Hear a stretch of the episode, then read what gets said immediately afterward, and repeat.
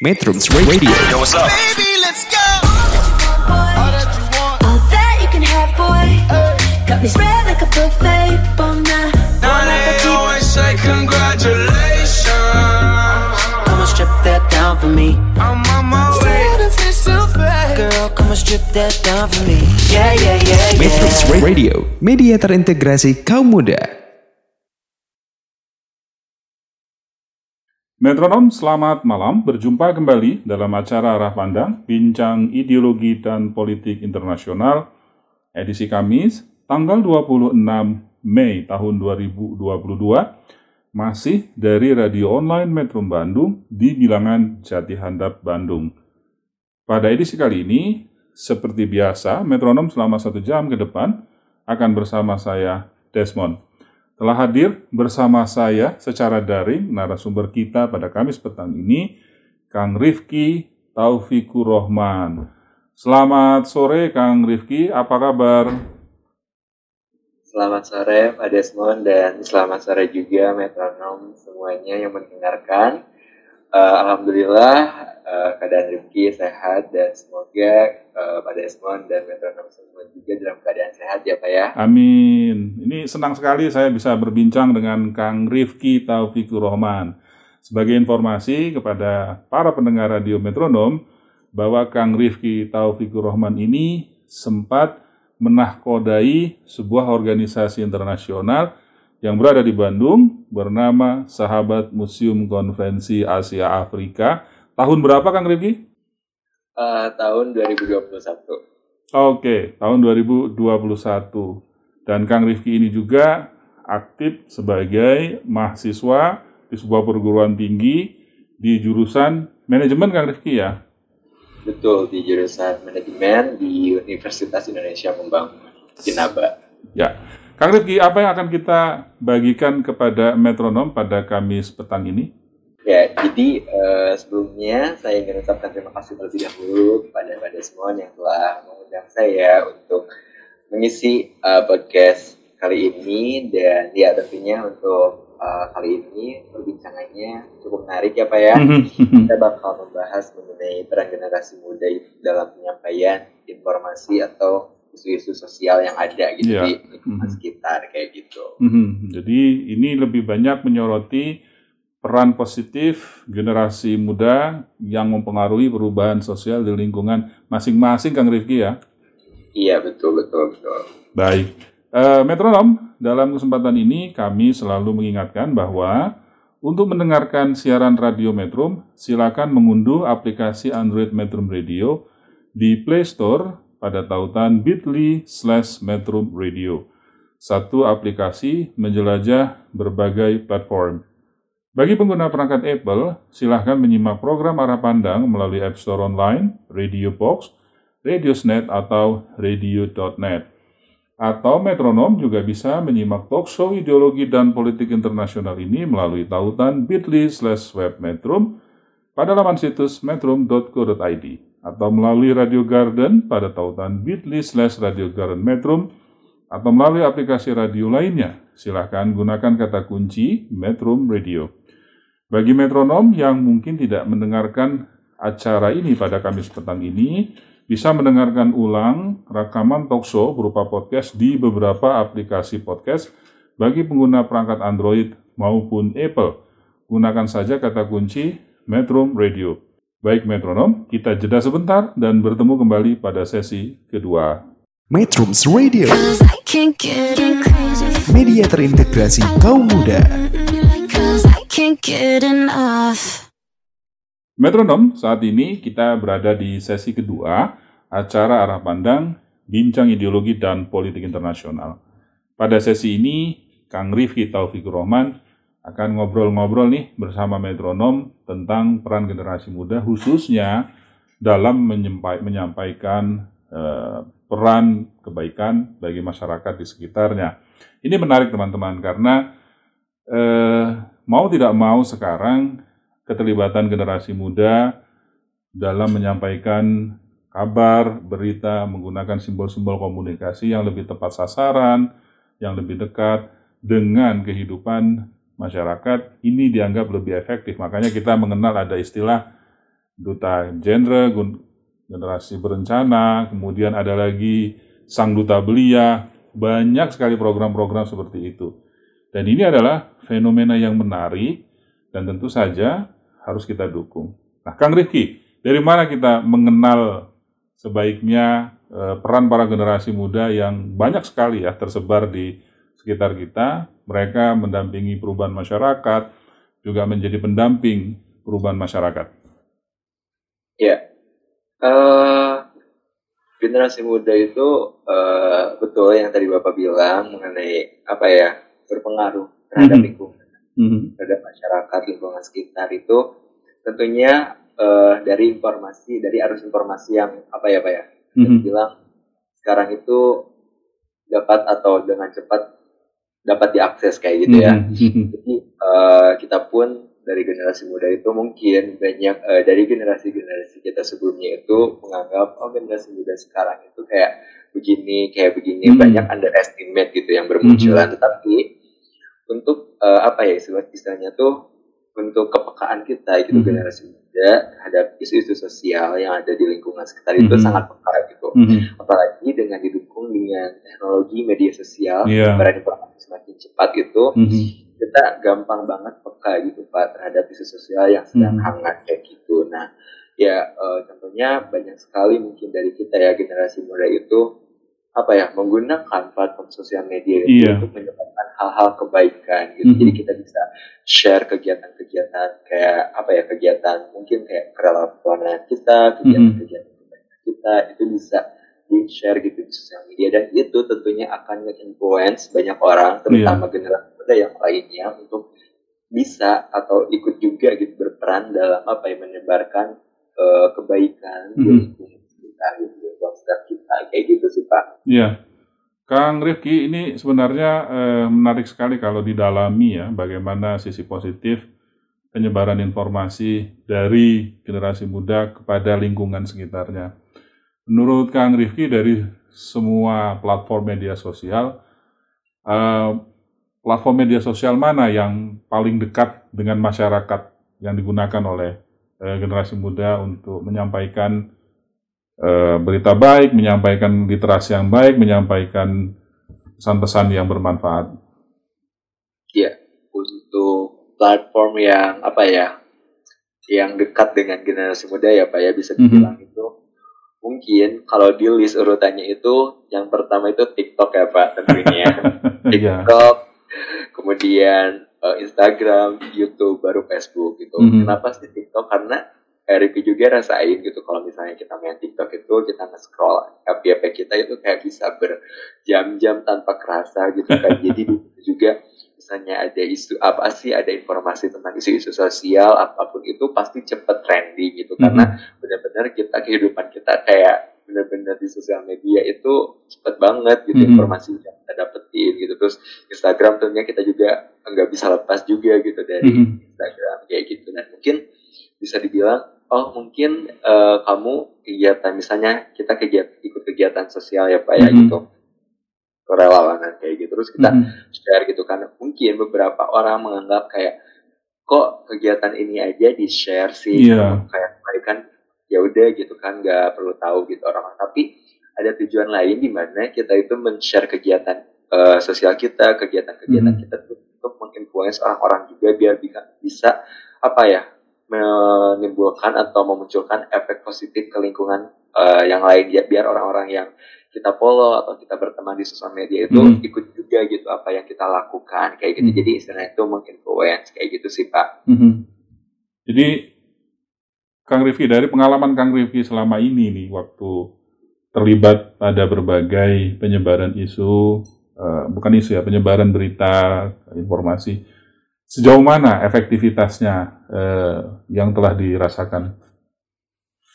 eh benar-benar efektif banget ya pak Hmm. Eh, karena eh, istilahnya tuh kalau kita pun eh, karena kalau boleh bercerita ketika Ya. misalnya kita di sahabat museum pun ketika Hmm. ada eh, kegiatan apa pun itu pasti karena penyampaian informasinya itu melalui media sosial Instagram Hmm. itu banyak banget partisipannya gitu kan Hmm. jadi benar-benar efektif gitu dan kita pun bisa tahu bisa lihat lah gitu buat teman-teman di sini merasa kalau sekarang itu apa ya istilahnya tuh eh ketika kita butuh donasi misalnya untuk Hmm. eh, teman-teman kita yang membutuhkan Hmm. atau ada kayak pembangunan apa masjid Iya. kayak gitu Hmm. kena musibah kita Hmm. bisa bisa di Twitter aja kita bisa trendingkan itu dan bakal banyak gitu engagementnya kayak gitu Mhm. jadi benar-benar penggunaan media sosial ini di generasi muda ini benar-benar berpengaruh banget gitu. Pak, untuk menyebarkan apa ya isu-isu sosial Hmm. gitu Pak, yang ada di lingkungan atau yang lagi happening gitu lah Hmm. istilahnya Pak. Ya, Kang Rifki, eh, saya banyak melihat fenomena dalam eh, apa pengembangan media platform sosial media untuk isu-isu sosial yang manfaatnya barusan dikisahkan oleh Kang Rifki sangat bermanfaat ya. Nah, ini kan setuju juga kalau kita bilang bahwa media sosial itu seperti eh, apa ya eh, pisau eh, bermata dua gitu ya. Ada sisi negatif, ada sisi positifnya dan kita sekarang berusaha mengoptimalkan peran sisi positifnya media sosial untuk tujuan-tujuan perubahan sosial. Kurang lebih begitu Kang Rifki ya? Uh, setuju banget, setuju banget Hmm. Pak. Kalau misalnya boleh cerita juga sih, Hmm. karena uh, betul banget bagai pisau bermata dua itu karena bisa menginfluence orang dengan hal-hal positif, bisa juga dengan hal negatif gitu. Hmm. Apalagi untuk generasi muda yang uh, kebanyakan sekarang itu Gen Z apa ya pengguna Mhm. sosial media itu kayak muncullah isu lain gitu dengan Mhm. uh, penggunaan media sosial ini kayak kesehatan mental karena dengan Iya. lihat kegiatan-kegiatan orang lain Mhm. kok mereka bisa kayak gini aku mau bisa kayak gini kan itu kayak ada parameter ya Hmm. dengan membandingkan diri sendiri dengan orang lain kan itu Mhm. terus kayak menganggap diri sendiri tidak mampu nah itu muncullah kayak overthinking anxiety kayak gitu hal-hal yang kayak gitu jadi benar-benar yang tadi bapak sebut gitu sebagai bisa bermata dua tetapi kita juga eh, terus mengoptimalkan terutama eh, Rifki juga bagaimana sih penggunaan sosial media ini bisa digunakan untuk eh, hal kebaikan hal yang Hmm. positif menyebarkan isu-isu sosial Mhm. yang positif gitu kayak gitu pak Ya, jadi kalau misalnya dilihat dari sisi lain, kita tuh bergotong royong, tidak harus luring ya. Bisa bisa bergotong royong daring juga gitu Kang Rifki ya. betul betul banget pak betul banget Ini kan ada istilahnya tuh Kang Rifki apa ya istilahnya tuh crowdfunding. Saya juga baru mungkin Oh, iya. satu dekade terakhir ya ba- baru paham apa yang dimaksud crowdfunding. Kang Rifki melihat crowdfunding juga salah satu bentuk gotong royong online. Betul, betul, betul, betul. Apalagi untuk tadi yang Rifki uh, bilang misalnya kayak butuh bantuan, butuh donasi itu Iya. kan gitu. gitu. Apa kan sekarang pun mungkin teman-teman yang sedang melakukan penelitian yang sekiranya penelitian itu penting Hmm. untuk masyarakat, kita tinggal bikin aja kayak Mhm. konten di sosial media bahwa ini penelitian itu penting gitu. Hmm. Jadi kita uh, aku nih butuh dana buat penelitian ini, mungkin saja ya Mhm. Pak gitu. Mhm. Bisa dapat dana untuk penelitian ini gitu kan Mhm. karena masyarakat mulai aware gitu kan kayak gitu. Bahkan kadang-kadang saya juga kaget ya. Eh, ada satu salah salah satu platform media sosial tuh yang bisa mengungkap eh, kejahatan. Jadi ini apa sampai sejauh itu bisa dimanfaatkan untuk membentuk opini publik ya. Nah, Kang Rifki misalnya nih eh, melihat bagaimana opini publik terbentuk oleh media sosial. Apakah kita perlu memfilter dari awal dan menentukan target sasarannya siapa atau gimana supaya efektif? Ya, eh, tentunya ya betul harus memfilter gitu Pak karena misalnya tuh gini eh misalnya tuh gini ya Pak ya.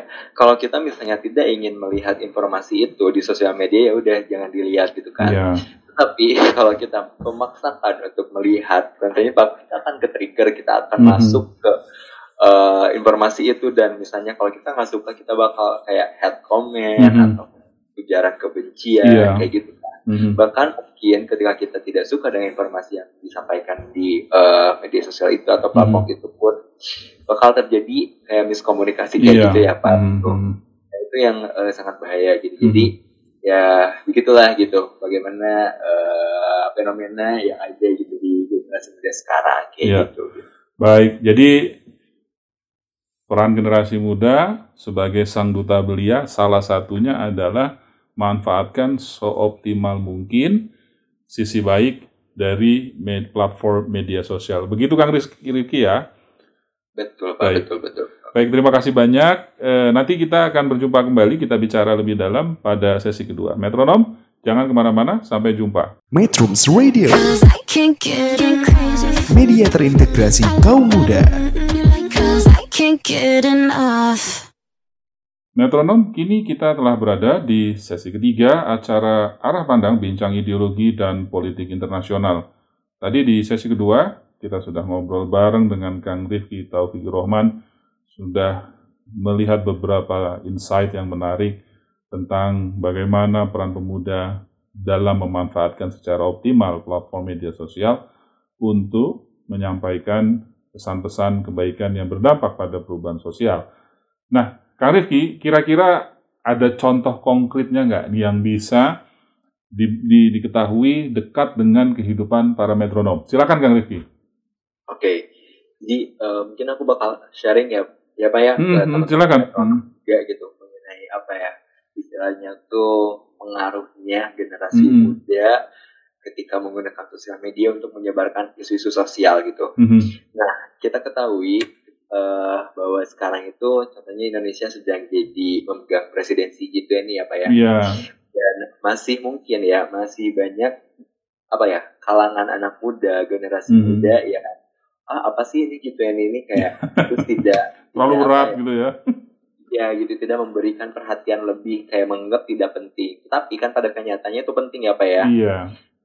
di sini gitu eh, muncullah sosok Maudi Ayunda gitu Oh iya seorang iya iya. public figure Mhm. yang digemari oleh generasi muda dijadikan eh, juru bicara eh, G20 untuk G20 Mhm. Nah ini kan muncul lah, muncullah beritanya di platform-platform media yang mana itu khusus untuk anak-anak muda gitu. Mhm. Seperti contohnya eh, beberapa di Instagram itu banyak lah eh, platform media yang isinya tuh anak-anak muda gitu ya. Mhm. Di situ.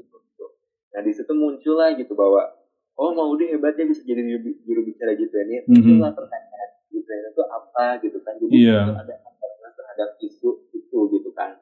Nah, jadi hal seperti itu sih Pak mungkin ya gitu. Bagaimana kita juga selaku generasi muda pasti punya public figure yang jadi panutan gitu ya, yang Iya. dalam hal positif gitu yang dijadikan role apa sih role model kita gitu. Mhm. Nah kayak gitu gitu. Jadi kita pun terinfluence untuk mengetahui apa yang dia kerjakan gitu Mhm. Terutama yang hal-hal yang positifnya kayak gitu gitu. Mhm. Dan kalau gak salah juga pernah di beberapa tahun belakang ada salah satu influencer yang kayak oke kita bikin challenge untuk uh, bersih-bersih lingkungan lingkungan sosial atau lingkungan apa ya sekitar kita Mhm. dan itu kayak ada hadiahnya gitu gitu Mhm. kayak oke dengan apa sih ber, ber- apa sih bersih bersihnya itu Mhm. bersih terus bisa mengajak masyarakat lebih banyak dalam kegiatan itu akan dapat ha- hadiah gitu berupa laptop atau sama handphone gitu kan jadi benar-benar apa ya sebenarnya nggak kehabisan ide sih generasi Mhm. muda itu ya untuk menyebarkan isu-isu sosial terutama di kebaik apa sih isu kebaikan kayak gitu Mhm. ya Itu pasti ada aja ide yang apa ya digunakan untuk menginfluence Iya. eh, generasi muda yang lainnya gitu Mhm. Kang Rifki, kalau misalnya saya ibaratkan setiap generasi itu ada simbol komunikasi yang berbeda. Misalnya ada sebuah eh, konten ya, misalnya sebu seorang penyaji di sebuah restoran tahun 1980, dia bilang ini pecel lelenya silahkan dimakan. Nanti Kayak tahun gitu, tahun 1990 ini pecel lelenya tahun 2000 pecel lele gitu. oh iya iya iya Tahun gitu, kayak 2010. bahasa Inggris kayak Iya, makin sini makin makin sini, pendek makin gitu, pendek. Ya, sebenarnya itu kan adalah apa ya? Sebenarnya melambangkan perubahan komunikasi masyarakat yang hidup di generasi itu. Jadi mungkin Iya, memang pilihan paling tepat untuk berbicara dengan generasi saat ini tentang G20 memang sebaiknya dari sosok seperti eh, public figure yang disebut oleh Kang Rifki tadi gitu Kang Rifki ya. Iya betul karena kita pun ketika muncul nih sosok Maudi Ayunda contohnya ketika naik jadi eh, juru bicara G20 kita Hmm. memberikan perhatian lebih gitu terhadap G20 itu Iya. apa gitu kita mulai search apa nih kegiatan ini gitu kayak kok penting banget gitu sampai Hmm. Maudi Ayunda bisa dijadiin juru bicaranya gitu kan berarti Hmm. di situ ada goals atau strategi komunikasi gitu Hmm. bahwa ininya eh, target sasaran Maudi Ayunda ini untuk bisa eh, apa ya meningkatkan awareness dari generasi muda di Iya. Indonesia tentang presidensi yang dipegang oleh Indonesia di G20 ini kayak gitu Iya. mungkin ya Pak ya Saya menggarisbawahi dari Kang Rifki itu awareness ya, karena eh, kalau mereka sudah nggak tertarik, ya jangankan mau memberikan perhatian ya, eh, melihat kontennya aja udah males kayak gitu. Ini kan ada ya betul betul ada salah satu konten yang membuat saya teringat dari cerita Kang Rifki tadi, ada bapak-bapak menyampaikan pesan politik lewat TikTok, terus kata Oh, iya. Komentator ini, Pak, kalau saya mau lihat TikTok, nggak mau lihat bapak-bapak. Saya mau lihat bapak-bapaknya waktu senam jantung sehat saja, katanya. kalau di TikTok, saya ingin melihatnya anak muda aja, Pak. Kan gitu. Jadi, gimana menurut Kang Rifki kira-kira? Iya, mungkin bisa dibilang seperti itu ya Pak gitu karena eh, apa ya visual dari konten sosial medianya pun berpengaruh gitu Pak. Iya, iya. Jadi kayak kok ini bapak-bapak gitu kan menyebarkan informasi.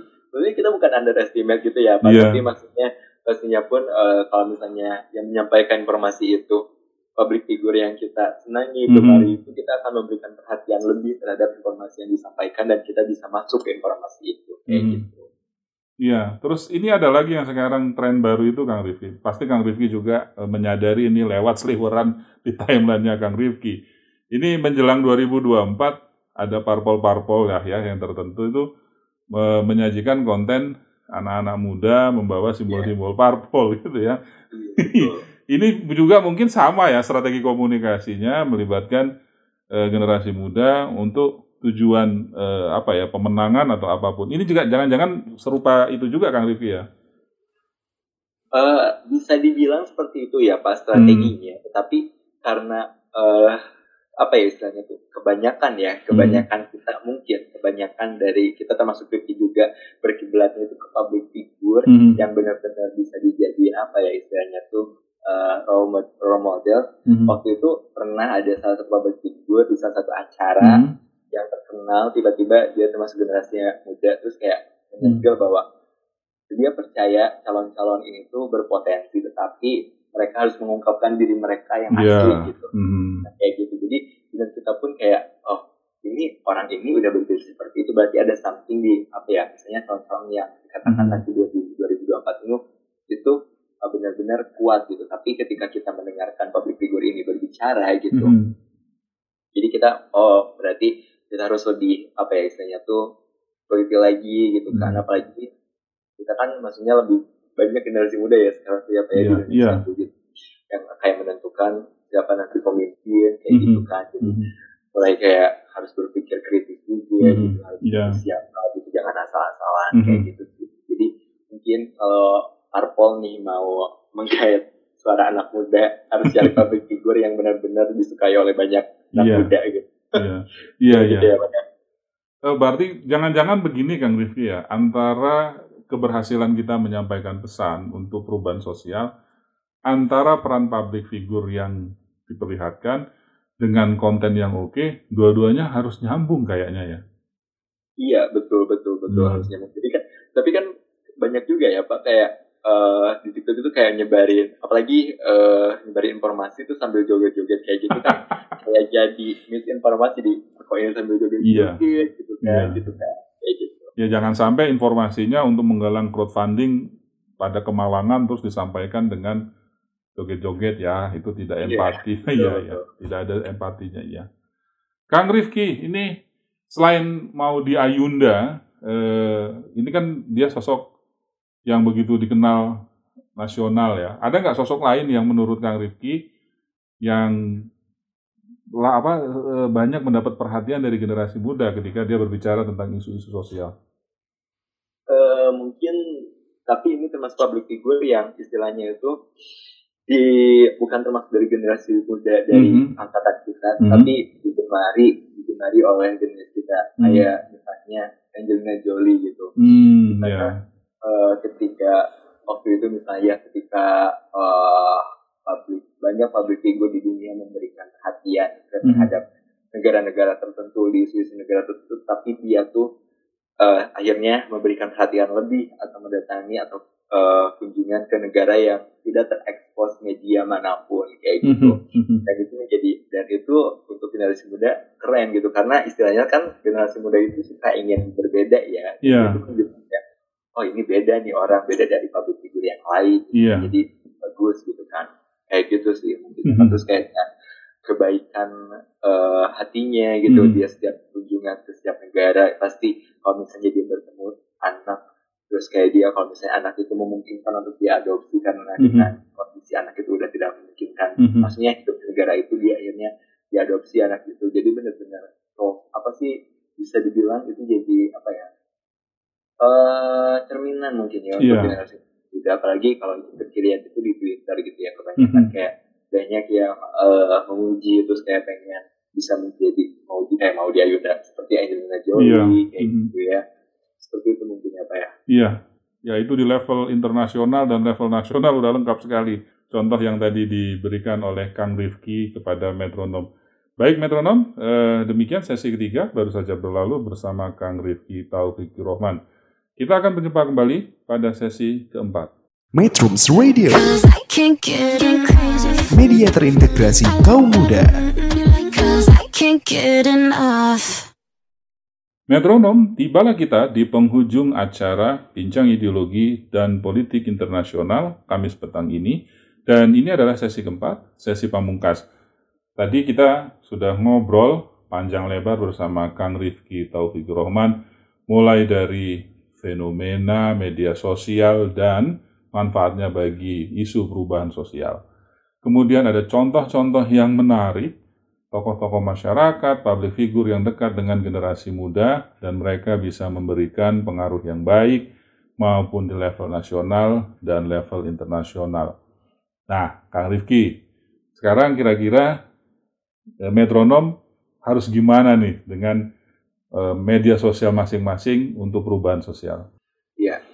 Jadi mungkin eh ketika eh, di sini metronom ketika oke aku pengen nih ketika bermain media sosial ini bermanfaat nih mungkin bisa dimulai kayak apa ya pak ya mengikuti eh, public figure atau mengikuti akun-akun yang apa selalu memberikan value atau konten Mhm. yang manfaat gitu Mhm. terus mengajak dalam hal kebaikan kayak supaya kita pun kayak ke-trigger untuk melakukan kebaikan juga gitu Mhm. ya Pak ya. Nah kemudian bisa juga eh, mungkin ikut eh, apa ya komunitas organisasi Mhm. jadi luar sana yang dalam arti yang memiliki kegiatan positif gitu Mhm. karena eh, Ricky yakin gitu ketika misalnya misalnya generasi generasi muda pasti ikut komunitas atau organisasi pas pertama masuk pasti kayak itu keras sosial media kayak gitu kan Iya. dan itu Mhm.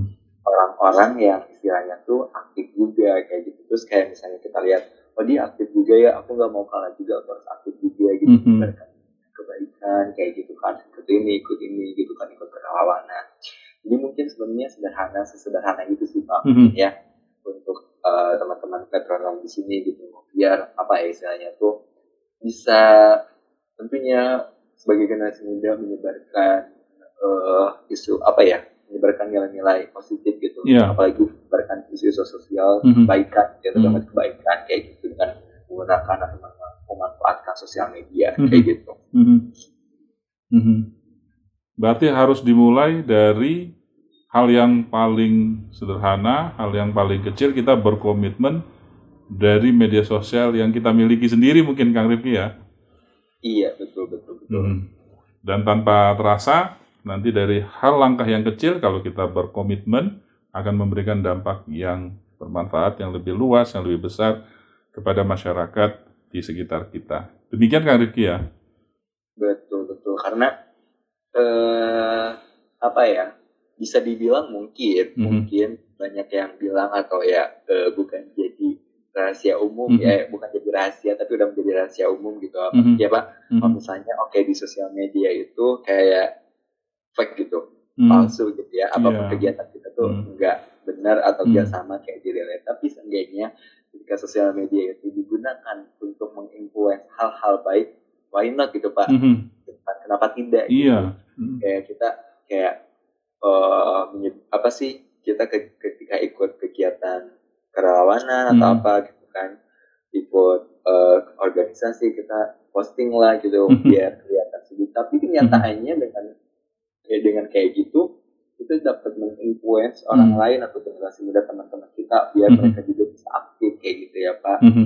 Nah, jadi ya meskipun dibilang seperti itu tapi ada value positifnya juga sih kalau menurut Mhm. Rifki ya gitu Iya. metronom juga eh, bisa gitu kayak oke kita eh nggak apa-apa mulai kayak menyebarkan isu-isu positif kita Hmm. nyebarin informasi yang baik-baik di sosial media jangan kayak oke kita ini konten kontroversi terus kita Iya. masuk ya kita head comment ini ono Mhm. ini ono Hmm, kan hmm. beramai gitu kan Mhm. jadi ntar informasi yang baiknya itu tertutupi dengan eh, informasi yang yang jeleknya gitu ya pak ya Mhm. Kalau Kang Rifki sendiri aktif di platform media sosial apa, Kang? Eh, kalau review pribadi itu di Instagram, TikTok, dan Twitter gitu karena Hmm. apalagi Twitter itu karena apa ya istilahnya tuh ini di Twitter itu kan berupa tulisan Iya. terus tulisannya itu terbatas Mhm. dan tidak bisa diedit Hmm. jadi apa pun yang kita sampaikan kalau kita salah itu bakal jadi apa ya perbincangan gitu Mhm. bisa jadi miskomunikasi. Jadi di situ tuh kayak dilatih lah kita menyampaikan informasi itu kayak jangan denial Mhm, gitu iya. kan, Mhm. to the point gitu kan melatih juga gitu Mhm. kan. Mhm. Enggak melatih ketegasan menyampaikan informasi juga gitu. Mhm. Tapi dan kelebihan dari Twitter itu sendiri juga Mhm. pro, apa proses penyebaran informasinya itu cepat karena eh, dengan beberapa tweet aja bisa menjadi trending topik di Indonesia kayak Iya. gitu kan. Iya. Juga sih pasti ada ada apa sih ada grupnya juga Mhm. mungkin ya kayak eh, mungkin metronom sini dapat menilai gitu setiap apa ya baik dan buruknya salah eh, penggunaan media sosial itu seperti apa gitu tapi kita fokus aja pada kebaikannya gitu untuk menyebarkan isu-isu atau nilai-nilai positif gitu. Mhm. Fokus pada kebaikannya. Terima kasih banyak Kang Rifki Taufikur Rahman yang sudah membersamai metronom pada Kamis petang ini dalam acara Arah Pandang, Bincang Ideologi dan Politik Internasional. Metronom, demikian sesi keempat baru saja berlalu, artinya perjumpaan kita harus diakhiri di sini. Semoga perbincangan tadi tentang Sang Duta Belia bermanfaat bagi metronom sekalian, terutama dalam menambah wawasan dan menentukan arah pandang. Kami mengucapkan terima kasih atas kebersamaan selama sejam berlalu. Semoga sehat selalu. Sampai jumpa kembali Kamis pekan depan dengan topik-topik yang lebih menarik. Tetap stay di Metro Radio, media terintegrasi kaum muda dalam jelajah komunitas. Selamat malam. Metrums Radio All